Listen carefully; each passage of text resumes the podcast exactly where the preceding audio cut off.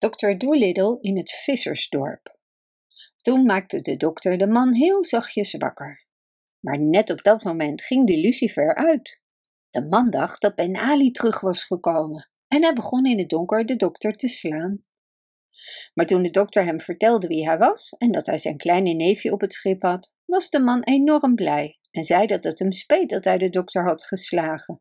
Daarna gaf hij de dokter wat snuiftabak. De man vertelde hoe de barbarijse draak Ben Ali hem op de rots had gezet en hem daar had achtergelaten, omdat hij geen piraat wilde worden. Hij had elke nacht in het hol geslapen om zich warm te houden. En toen zei hij: Vier dagen lang heb ik niets gegeten of gedronken. Ik heb geleefd van snuiftabak. Nou, wat heb ik je gezegd? riep Jip. Toen de dieren en het jongetje de dokter en Jip met de roodharige man zagen, begonnen ze te juichen en te dansen. De zwaluwen begonnen luidkeels te fluiten om te laten horen dat ook zij blij waren. En het geluid dat deze duizenden zwaluwen maakten was zo hard dat zeelieden ver op zee dachten dat er een storm op komst was. En Jip was ontzettend trots op zichzelf, maar deed zijn best om niet verwaand te kijken. Dap Dap zei: Jip, ik had geen idee dat je zo slim was. Maar Jip schudde gewoon zijn hoofd en antwoordde: Oh, het was niets bijzonders hoor. Maar er is nu eenmaal een hond voor nodig om een man te vinden. Vogels kunnen dit niet. De dokter vroeg aan de roodharige visser waar zijn huis was. En toen hij het hem had verteld, vroeg de dokter de zwaluwen om het schip eerst daarheen te leiden. Ze kwamen bij een rotsachtige berg en de man wees naar het huis waar hij woonde. Toen ze in de haven waren, kwam de moeder van de kleine jongen naar de kust rennen, terwijl ze tegelijk lachte en huilde. Ze had twintig dagen aan de kust gezeten en naar de zee gekeken en gewacht tot ze terugkwamen. Ze gaf de dokter zoveel kussen dat hij bloosde als een schooljongen. En ze probeerde ook Jip te kussen, maar hij rende snel weg en verstopte zich in het schip. Het is een dwaze zaak, dat kussen, zei Jip. Ik moet er niets van hebben. Laat ze Gup maar kussen, als ze iets moet kussen. De visser en zijn vrouw vroegen de dokter om een paar dagen bij hen door te brengen. Dus John Dolittle en al zijn dieren bleven een paar dagen. Alle kleine jongens van het vissersdorp gingen naar het strand en wezen naar het grote schip dat daar voor anker lag en zeiden fluisterend tegen elkaar: Kijk, dat was een piratenschip van Ben Ali, de meest verschrikkelijke piraat die ooit de zee heeft bevaren.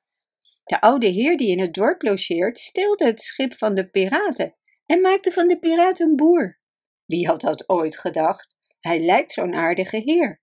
En kijk eens, het schip heeft rode zeilen en kan heel snel varen.